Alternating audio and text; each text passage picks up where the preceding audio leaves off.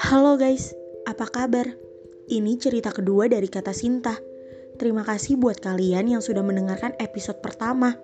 Dan terima kasih sudah mengizinkan kembali suara saya terdengar di telinga kalian semua. 2019 Tahun di mana saya belajar banyak hal Mulai dari rasa bahagia, putus asa, tidak tahu arah, sampai akhirnya bangkit kembali awal tahun 2019 menjadi awal yang sangat membahagiakan bagi saya. Bagaimana tidak? Saya berhasil menyelesaikan pendidikan saya lebih cepat. Mimpi saya pun terwujud di awal tahun 2019, yaitu membawa kedua orang tua saya menyaksikan saya di wisuda. Ketika nama saya dipanggil oleh rektor, saat itu pula saya melihat ibu saya menangis terharu. Setidaknya, Salah satu mimpi saya untuk membanggakan mereka sudah berhasil terlaksana. Selain orang tua, saya juga bersyukur saat itu. Karena saya memiliki sahabat, serta satu orang yang menemani saya dengan setia untuk mewujudkan mimpi-mimpi saya. Percaya atau tidak, saya menjadi orang yang sangat beruntung saat itu. Pendidikan saya berhasil, saya punya sahabat yang setia, kisah asmara saya juga nyari sempurna. Namun, benar kata orang, bahagia itu datangnya pasti satu paket dengan kesedihan. Iya, di tahun yang sama, Juli tepatnya, menjadi titik mulai di mana saya dicoba habis-habisan, menerima segala ujian yang tidak pernah saya bayangkan sebelumnya. Bahkan, untuk menerimanya dengan akal sehat saja saya tidak mampu saat itu berawal dari Juli tanggal 10 2019. Rumah saya habis terbakar.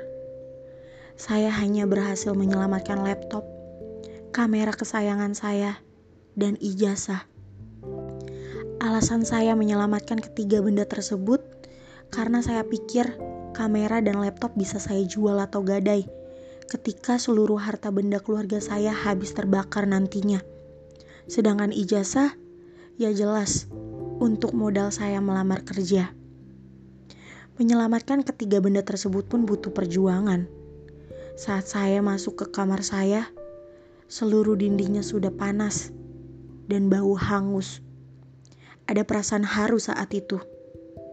Haru bahwa saya sepertinya tidak akan bisa lagi tidur nyaman di kamar tersayang saya itu. Dua jam berlalu Ternyata ratusan rumah di daerah tempat saya tinggal habis terbakar. Dua di antaranya ya rumah saya. Rumah yang menyimpan banyak kenangan.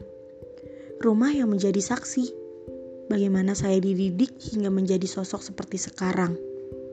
Yang lebih haru lagi, saat saya berada di pengungsian, saya bertemu dengan sahabat saya yang kebetulan bernasib sama rumah kami habis terbakar dan rata dengan tanah. Tak bisa berkata banyak. Saya dengan sahabat saya hanya mampu berpelukan sambil menangis dan berkata, kita udah nggak punya rumah lagi. Satu kalimat yang masih saya ingat jelas sampai saat ini.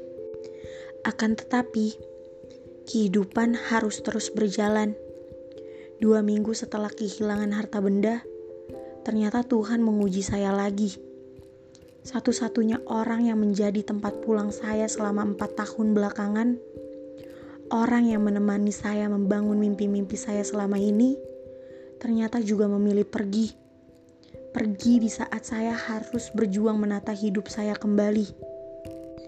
Saya tidak marah saat itu, karena saya hanya berpikir, saya sudah kehilangan harta benda jika Tuhan mau saya kehilangan dia juga, silahkan, saya ikhlas.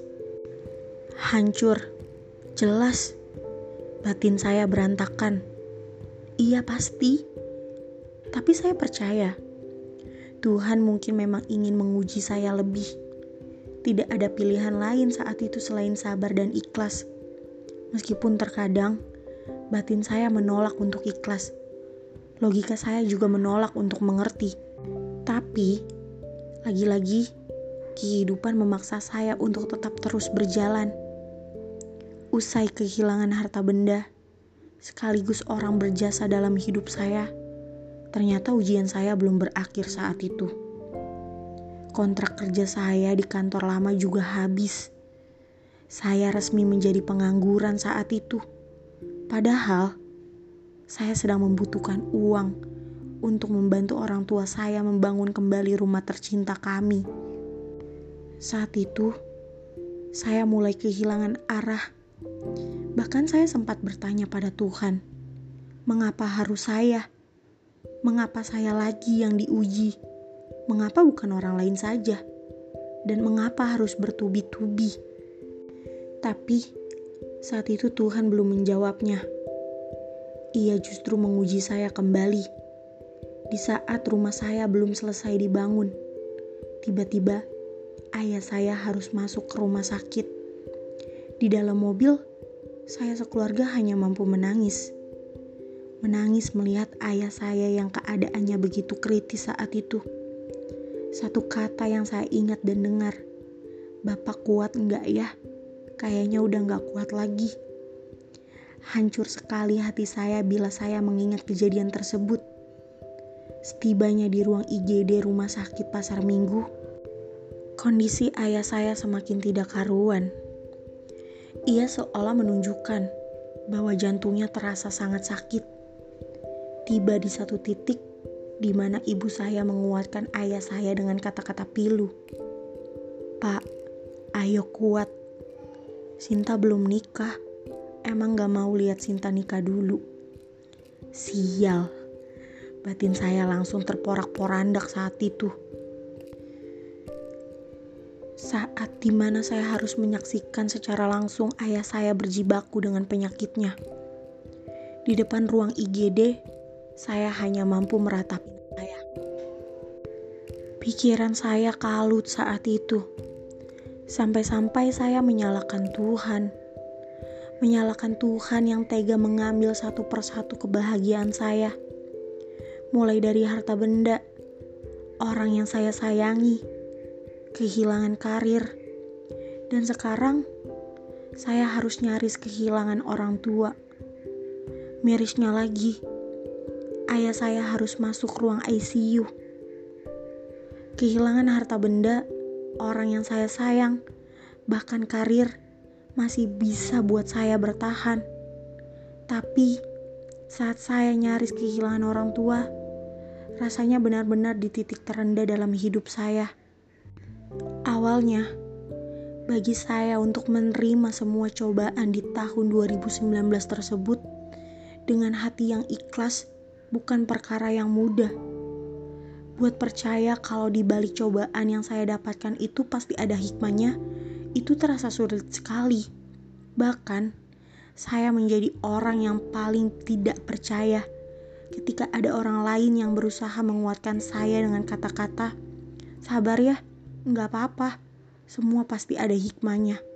Jujur saja, saat itu batin saya menolak ketika menerima kata-kata tersebut dari orang lain yang ada di pikiran saya. Menyebut kata sabar memang mudah, Andai kalian berada di posisi saya, mungkin kalian juga sama seperti saya, sama-sama menyalahkan keadaan. Tapi seiring berjalannya waktu, saya mengerti bahwa saya merupakan salah satu manusia pilihan Tuhan. Manusia yang Tuhan percaya akan kuat menghadapi segala cobaan yang ada. Meskipun untuk sampai di tahap mengerti bahwa saya adalah manusia pilihan Tuhan, memang membutuhkan proses yang lama dan panjang. Tanpa munafik, saya hanya manusia biasa. Saya juga sempat menyalahkan keadaan. Bahkan semenjak ujian-ujian yang saya terima di tahun 2019 sempat membuat saya menjadi orang yang takut sekali untuk bermimpi lagi. Namun, lagi-lagi waktu memainkan peran memainkan peran pentingnya untuk memaksa saya mengerti dan menyadari. Sadar bahwa tidak semua orang akan kuat jika berada di posisi saya. tidak semua akan mampu bertahan di titik ini seperti saya. Tapi saya, saya mampu. Saya kuat dan bertahan hingga saat ini. Saya dikaruniai kekuatan dari Tuhan untuk mulai menata hidup saya kembali. Saat itu pula saya menyadari saya merupakan salah satu orang hebat yang Tuhan pilih untuk menerima segala ujian yang ada.